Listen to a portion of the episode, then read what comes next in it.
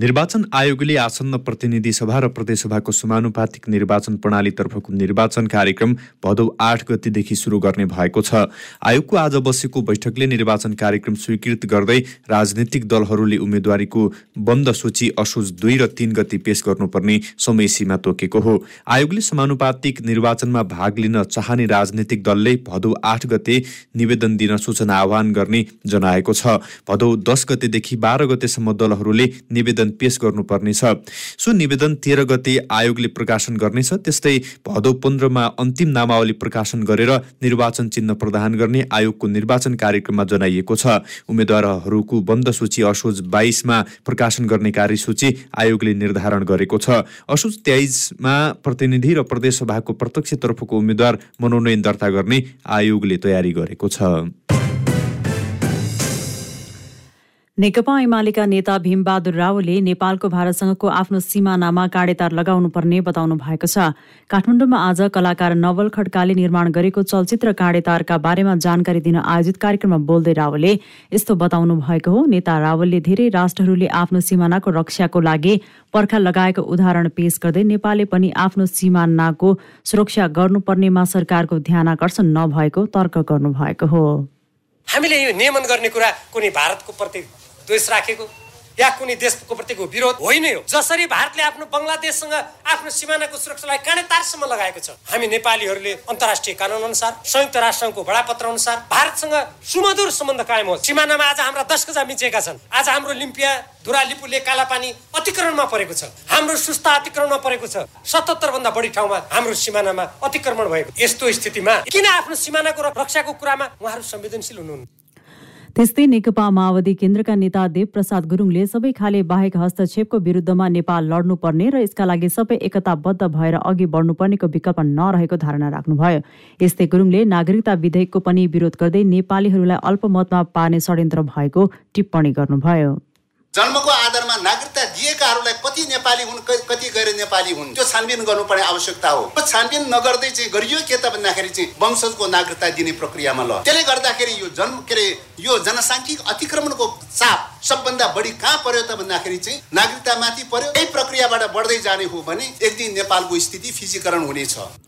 त्यस्तै नेकपा एकीकृत समाजवादीका उपमहासचिव तथा प्रचार विभागका प्रमुख जगन्नाथ खतिवड़ाले नेपालले आफ्नो सिमानालाई व्यवस्थित गर्नुपर्नेमा जोड दिनुभयो।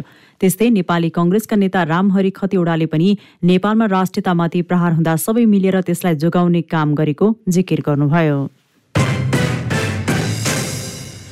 वन मन्त्री प्रदीप यादवले निजगढ अन्तर्राष्ट्रिय विमानस्थल निर्माणका लागि आवश्यक पर्ने बजेटको सुनिश्चितता भए मात्रै रुख कटानका लागि वन मन्त्रालयबाट अनुमति दिइने बताउनु भएको छ। सामुदायिक वन दिवस दुई हजार उनासीका अवसरमा आज वन तथा भू संरक्षण विभागले ललितपुरमा आयोजना गरेको कार्यक्रममा मन्त्री यादवले मुआब्जा पाइसकेका टाँगिया बस्ती खाली गराएर विमानस्थल निर्माणका लागि आवश्यक पर्ने बजेटको सुनिश्चितता भए मात्रै रोग कटानका लागि मन्त्रालयबाट अनुमति दिइने बताउनु भएको हो।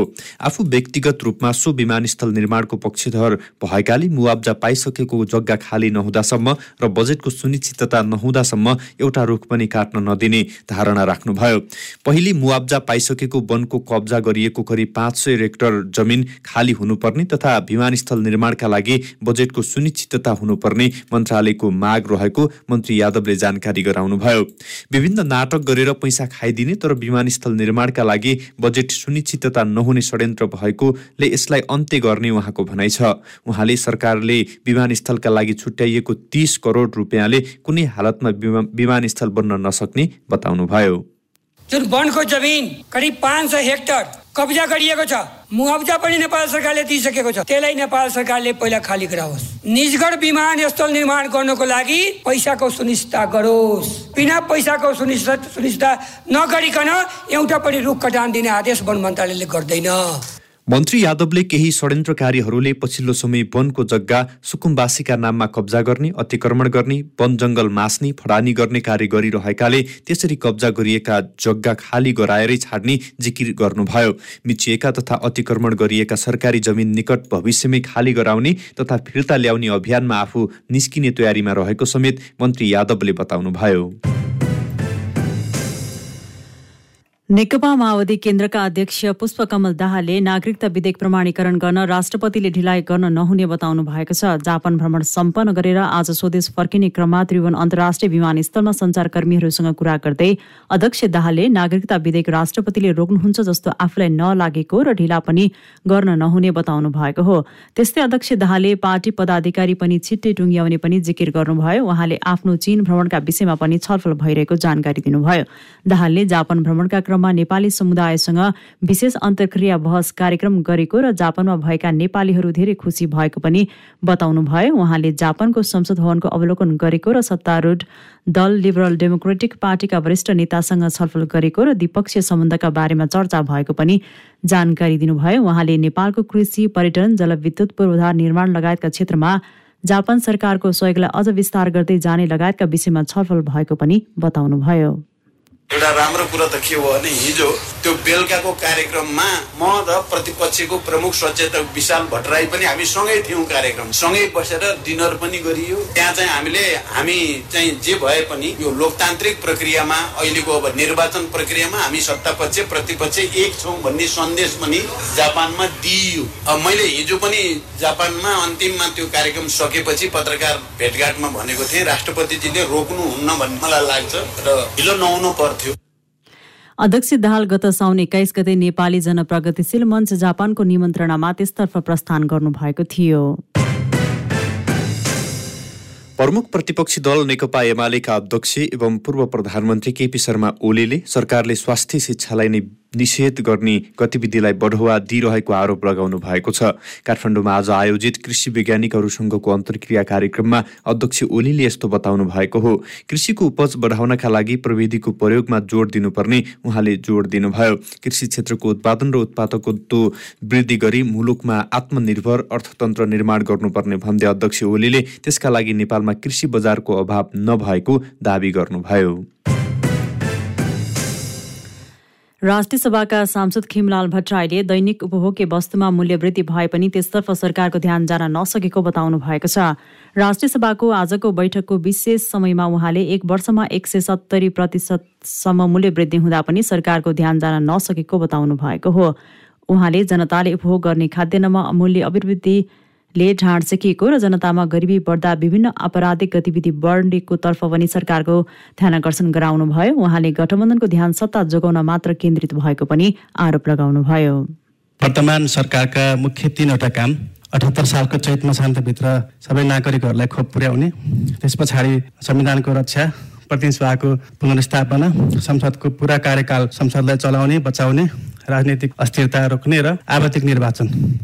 स्थायन्तको निर्वाचन सम्पन्न भइसकेका छ वर्तमान सरकारले आफ्नो जिम्मेवारी पुरा गरेको देखिन्छ यसरी सशर्त हेर्दाखेरि।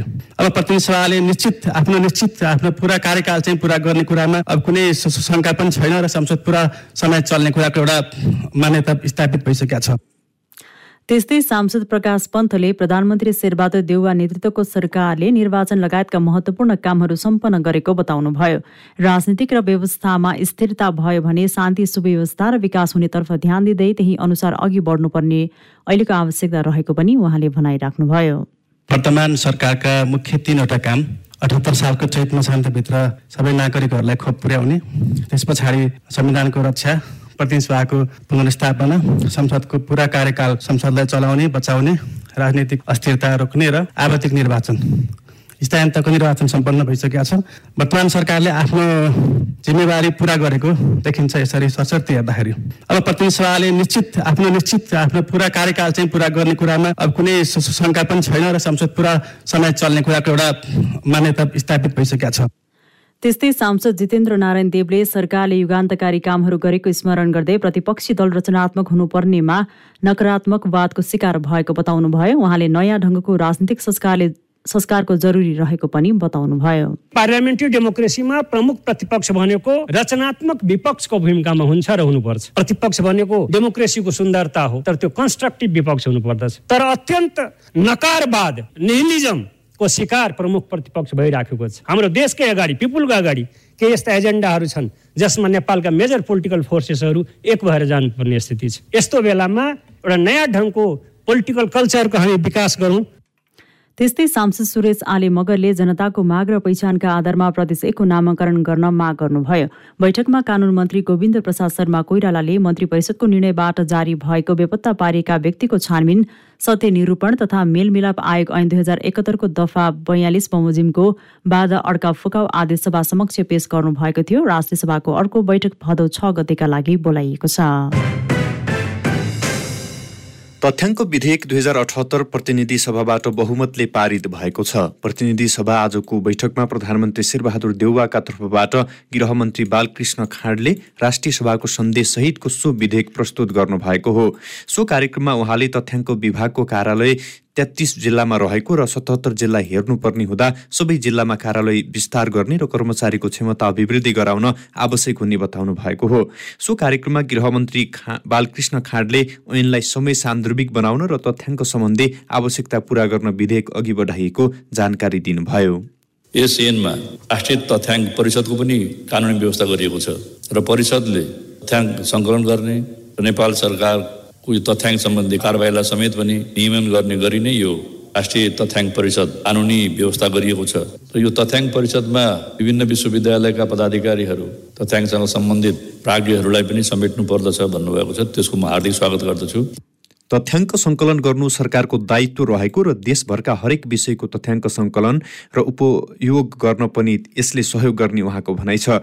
त्यसअघि बैठकमा सांसदहरूले विधेयकले तथ्याङ्कको विश्व स्तरको मान्यता शुद्धता गोपनीयताको विषयलाई समेत ध्यान दिनुपर्ने धारणा राखेका थिए। त्यस्तै प्रतिनिधि सभा बैठकबाट शपथ सम्बन्धी विधेयक दुई हजार उनासी पनि पारित भएको छ। शिक्षा विज्ञान तथा प्रविधि मन्त्री देवेन्द्र पौडेलले अहिले भइरहेको गठबन्धनभन्दा बाहिर गएर अर्को गठबन्धन नबन्ने दावी गर्नुभएको छ। प्रेस सेन्टर नेपाल मकवानपुरले आज हेटौँडामा आयोजना गरेको पत्रकार भेटघाट कार्यक्रममा बोल्दै उहाँले मङ्सिर चार गतेको प्रदेश सभा र प्रतिनिधि सभाको चुनावसम्म यो गठबन्धन कायम रहने जिकिर गर्नुभएको हो। समाजवादी केन्द्रको विषयतर्फ इङ्कित गर्दै उहाँले आउँदो चुनावसम्म समाजवादी केन्द्र बन्ने सम्भावना पनि नरहेको उल्लेख गर्नुभयो। आउने चुनावबाट नेपालमा भएका कम्युनिष्ट पार्टीहरूमध्ये नेकपा माओवादी केन्द्र पहिलो पार्टी हुने पनि उहाँले जिकिर गर्नुभयो। नेपालमा थप आठ सय अडसठी जनामा कोरोना संक्रमण पुष्टि भएको छ। देशभर गरिएको तीन हजार छ सय चौध पिसिआर परीक्षणका क्रममा चार सय छयानब्बे जना र तीन हजार एकानब्बे एन्टिजेन परीक्षणका क्रममा तीन सय बहत्तर जनामा कोरोना संक्रमण पुष्टि भएको हो। कोरोनाका कारण थप तीनजनाको मृत्यु भएको स्वास्थ्य मन्त्रालयले जनाएको छ। त्यस्तै थप चार सय चौध संक्रमित कोरोना मुक्त भएका छन्। हाल नेपालमा पाँच हजार आठ सय पचासी सक्रिय संक्रमित आइसोलेसनमा रहेको मन्त्रालयले जनाएको छ। अख्तियार दुरुपयोग अनुसन्धान आयोगले नक्कली शैक्षिक योग्यताको प्रमाणपत्र बुझाएर सुविधा लिने ओखलढुङ्गाका एक सब इन्जिनियर विरुद्ध आरोपपत्र दायर गरेको छ। अख्तियारले आज विशेष अदालत काठमाडौँमा खानेपानी तथा सरसफाइ डिभिजन दुई ओखलढुङ्गामा कार्यरत सब इन्जिनियर रामबाबु यादव विरुद्ध आरोपपत्र दायर गरेको हो। सुनसरी टेक्निकल कलेज धरानबाट उत्तीर्ण गरेको भनी डिप्लोमा इन सिभिल इन्जिनियरिङको प्रमाणपत्रहरू नक्कली बनाएको अख्तियारले दावी गरेको छ। यादवले लब्धाङ्क पत्र चारित्रिक प्रमाणपत्र र ट्रान्सक्रिप्ट सहित नक्कली बनाई सरकारी लाभ वा सुविधा लिएको पाइएको अख्तियारले बताएको छ। उनले खानेपानी कार्यालय उखुलढुङ्गामा दुई हजार छिहत्तर भाद्रदेखि दुई हजार सतहत्तर असार मसान्तसम्म बहाल रही लाभ सुविधा लिएको देखिएको भन्दै अख्तियारले यादवलाई कैद सजाय र जरिवाना हुन माग दाबीसहित मुद्दा दायर गरेको हो।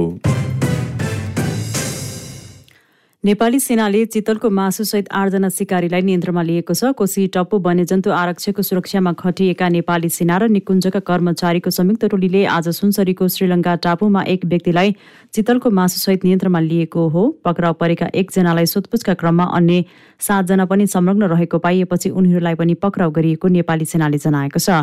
उनीहरूको साथबाट जङ्गली जनावरको त्रिसठी केजी मासु भरुवा बन्दुक दुई नाल टिका बारुद एक प्याकेट खुकुरी पाँचवटा लगायतका हतियारहरू पनि बरामद गरिएको छ। पक्राउ परेका सबैलाई आवश्यक कारवाहीका लागि वन्यजन्तु आरक्षीको कार्यालयमा बुझाइएको छ।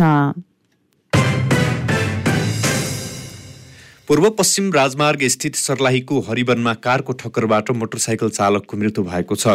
कारको ठक्करबाट आज बिहान मोटरसाइकलमा सवार हरिवन नगरपालिका एघार निवासी अडतिस वर्षीय गुरुप्रसाद ढुङ्गेल गम्भीर घाइते भएका थिए। घाइते ढुङ्गेलको उपचारको क्रममा वीरगञ्ज अस्पतालमा मृत्यु भएको हो। ढुङ्गेल सवार पूर्वबाट पश्चिमतर्फ गइरहेको ना तेत्तिस प बाइस पन्चानब्बे नम्बरको मोटरसाइकललाई विपरीत दिशाबाट आइरहेको बा सात च बयानब्बे बाइस नम्बरको कारले ठक्कर दिएको थियो। घटनामा संलग्न कार चालकलाई प्रहरीले नियन्त्रणमा लिएको छ। घटनाबारे प्रहरीले अनुसन्धान अघि बढाएको जनाएको छ। बझाङमा एकै परिवारका तीनजना मृत भेटिएको घटनाबारे प्रहरीले अनुसन्धान सुरु गरेको छ। घटनास्थलमा रहेको इलाका प्रहरी कार्यालय बुङ्गलको टोलीले घटनाबारेमा सोधपुछ गरिरहेको छ। जिल्लाको बुङ्गल नगरपालिका नौ रारुमा स्थानीय पुष्कर पार्कीकी श्रीमती बाइस वर्षीय गीता पार्के पाँच वर्षीय छोरी भूमिका र तीन वर्षीय छोरा मोहित झुन्डेको अवस्थामा आज मृत फेला परेको थियो। गीताको श्रीमान हिजो मात्र भारतबाट आएको पाइएको पनि प्रहरीले जनाएको छ। मृतका श्रीमान पुष्करसँग प्रहरीले सोधपुछ गरिरहेको छ। चिकित्सा शिक्षा अभियन्ता डाक्टर गोविन्द केसीले माफियाहरूको स्वार्थमा भइरहेको नीतिगत भ्रष्टाचार रोक्न माग गर्नु भएको छ। आज जारी विज्ञप्तिमा डाक्टर केसीले चिकित्सा शिक्षा ऐनमा संशोधन गरी मापदण्ड पूरा नगरेका नर्सिङ कलेजहरूमा भर्ना खुलाउने प्रयास भइरहेको भन्दै माफियाहरूको स्वार्थमा चलिरहेको नीतिगत भ्रष्टाचार रोक्न प्रधानमन्त्री शेरबहादुर देउवा र शिक्षा मन्त्री देवेन्द्र पौडेल समक्ष माग गर्नु भएको हो। स्वास्थ्य सेवा जस्तो संवेदनशील क्षेत्रमा शिक्षा नदिई प्रमाणपत्रको मात्र किनबेच गराइरहेका माफियाहरूको व्यापारिक स्वार्थ अनुसार त्यस्तो कदम अघि बढाइएमा बढा बढेकोमा कुनै शङ्का छैन विज्ञप्तिमा भनिएको छ। अहिले चलिरहेको अवाञ्छित गतिविधि तत्काल रोकेर आफूले यसअघि राखेका मागहरू पुरा नगरेको सत् नगरेकाले सत्याग्रह सुरु गर्ने उहाँले चेतावनी समेत दिनुभएको छ।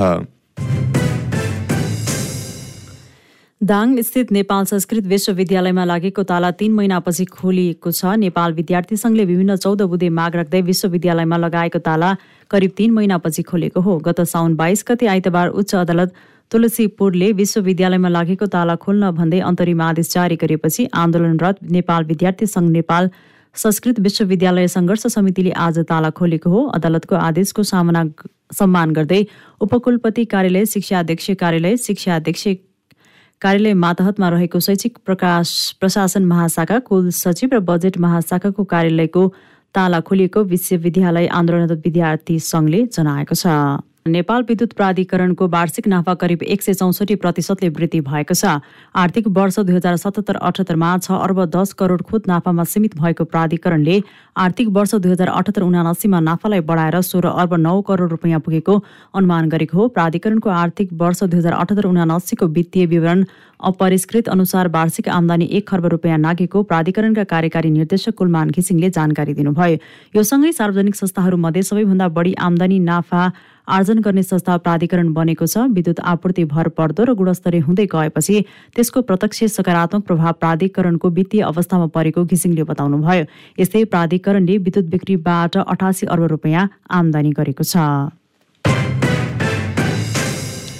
संस्कृति पर्यटन तथा नागरिक उड्डयन मन्त्री जीवनराम श्रेष्ठले पोखराको ब्रान्डका रूपमा रहेको प्याराग्लाइडिङ व्यवसाय अन्तर्राष्ट्रिय विमानस्थल सञ्चालनपछि समेत कायमी राख्ने उपाय खोजिने बताउनु भएको छ। समाजवादी प्रेस सङ्गठनले आज पोखरामा आयोजना गरेको पत्रकार भेटघाट कार्यक्रममा मन्त्री श्रेष्ठले विमानको सुरक्षामा कुनै असर नपर्ने गरी प्याराग्लाइडिङ व्यवसायलाई कायमी राख्ने प्रयत्न गरिने उहाँले बताउनु भएको हो। मन्त्री श्रेष्ठले आगामी अङ्ग्रेजी नयाँ वर्षदेखि पोखरा अन्तर्राष्ट्रिय विमानस्थल सञ्चालनमा ल्याइने पनि जानकारी दिनुभयो। हालसम्म अन्ठानब्बे प्रतिशत काम सकिएको विमानस्थल सन् दुई हजार तेइसको जनवरी एकदेखि सञ्चालनमा ल्याउने निर्णय भएको केही दिन अघि नेपाल नागरिक उड्डयन प्राधिकरण क्यानले गरेको उहाँले बताउनुभयो। सेयर कारोबार परिसूचक नेप्से आज पनि उडालो लागेको छ। नेप्से आज पाँच दशमलव नौ एक अङ्कले घटेर दुई हजार पचपन्न दशमलव आठ आठ बिन्दुमा कायम भएको हो। नेप्से घटेसँगै आज कारोबार रकममा पनि गिरावट आएको छ। दुई सय अठारवटा कम्पनीको छयालिस लाख चालिस हजार किता सेयर कुल एक अर्ब त्रियानब्बे करोड पचपन्न लाख बिस हजार एक सय सडचालिस रुपियाँमा कारोबार भएको छ। क्यान्डिडेट न्युजमा अब अन्तर्राष्ट्रिय समाचार। भारतको बिहार राज्यका मुख्यमन्त्रीमा नेता नीतिश कुमार पटनाले पुनः शपथ ग्रहण गर्नु भएको छ। भारतीय जनता पार्टीसँगको सत्ता साझेदारी त्यागेर हिजो मात्र पदबाट राजीनामा दिनुभएका नीतिश कुमारले आज पुनः मुख्यमन्त्रीको शपथ ग्रहण गर्नुभएको हो। तेजस्वी यादवको राष्ट्रिय जनता दल र अन्य साना विपक्षी दलको समर्थनमा उहाँ फेरि सत्तामा पुग्नु भएको हो। यस्तै राष्ट्रिय जनता दलका नेता यादवले पनि आजै राज्यको मुख्यमन्त्रीको शपथ लिनुभएको छ। राजभवनमा भएको शपथ समारोहमा राष्ट्रिय जनता दलका नेता तेज प्रताप यादव तथा उपमुख्यमन्त्री यादवकी श्रीमती राजश्री पूर्व मुख्यमन्त्री राजबडी देवी लगायत उपस्थिति रहनु भएको थियो। पाकिस्तान भरका पत्रकारले एआरवाई न्युज प्रमुखका प्रमुख अम्माद युसुफको गिरफ्तारीको निन्दा गरेका छन्। युसुफको तत्काल रिहाईको पनि उनीहरूले माग गरेका छन्। सादा पोसाकमा प्रहरी अधिकारीहरूले उनको घरमा जबरजस्ती प्रवेश गर्दै आज पक्राउ गरेको थियो। पत्रकार सङ्घ प्रेस क्लबले एआरवाई न्युजका प्रमुख युसुफलाई तत्काल रिहा मुक्त नगरी देशव्यापी आन्दोलन आह्वान गर्ने पनि चेतावनी दिएका छन्। पाकिस्तान फेडरल युनियन अफ जर्नालिस्टले वक्तव्य जारी गर्दै सरकारको लज्जास्पद कारवाहीको विरोध गरेको छ। अभिव्यक्ति स्वतन्त्रतामा प्रतिबन्ध कुनै पनि हालतमा नसहने कराची प्रेस क्लबका सचिव रिजवान भट्टीले बताउनु भएको छ। क्यान्डिड न्युजमा अब खेलकुदका समाचार कतारमा हुने फिफा विश्वकप फुटबलको उद्घाटन खेल एक दिन अगाडि सर्न सक्ने भएको छ अर्जेन्टिनाको दैनिक पत्रिका डायरियो ओलेले कतार विश्वकप उद्घाटन खेल एक दिन अगाडि सार्ने फिफाले तयारी गरेको जनाएको छ। कतार विश्वकप आगामी नोभेम्बर एक्काइसदेखि डिसेम्बर अठारसम्म आयोजना हुनेछ। कतार विश्वकपको उद्घाटन खेलमा आयोजक र इक्वेडर बीच प्रतिस्पर्धा हुनेछ। नोभेम्बर एक्काइसमा हुने उद्घाटन खेल अल बायत स्टेडियममा हुने भएको छ। तर फिफाले कतार र इक्वेडर बीचको उद्घाटन खेल नोभेम्बर बिसमा गर्ने तयारी गरेको छ। यस्तै इङ्ल्यान्ड र इरान सेनेगल र नेदरल्यान्ड्स तथा अमेरिका र वेल्स बीचको खेल भने भने नोभेम्बर एक्काइस एक्काइसमै हुने भएको छ। यद्यपि खेल तालिका स्वीकृतिका लागि फिफा काउन्सिल ब्युरोबाट अनुमोदन हुनुपर्छ जसका लागि भोटिङ आवश्यकता पर्दछ। भोटिङमा फिफा अध्यक्ष जियानी इन्फान्टिनो सहित महादेशका अध्यक्षहरूले मतदान गर्न पाउने भएका छन्।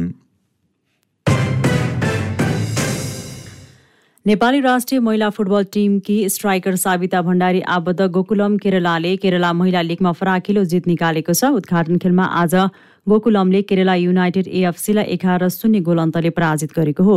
गोकुलमको जितमा सावित्राले पाँच गोल गरिन् सावित्राले पहिलो हाफमा चार र दोस्रो हाफमा एक गोल गरिन्। उनी दोस्रो हाफमा भने सब्सिच्युट भएकी थिइन्। नेपालकी अर्कै खेलाडी दिपा न्यौपानेले पनि केरला महिला लिग खेल्नेछन्। दिपाले डन बस्कोबाट लिग खेल्नेछिन्।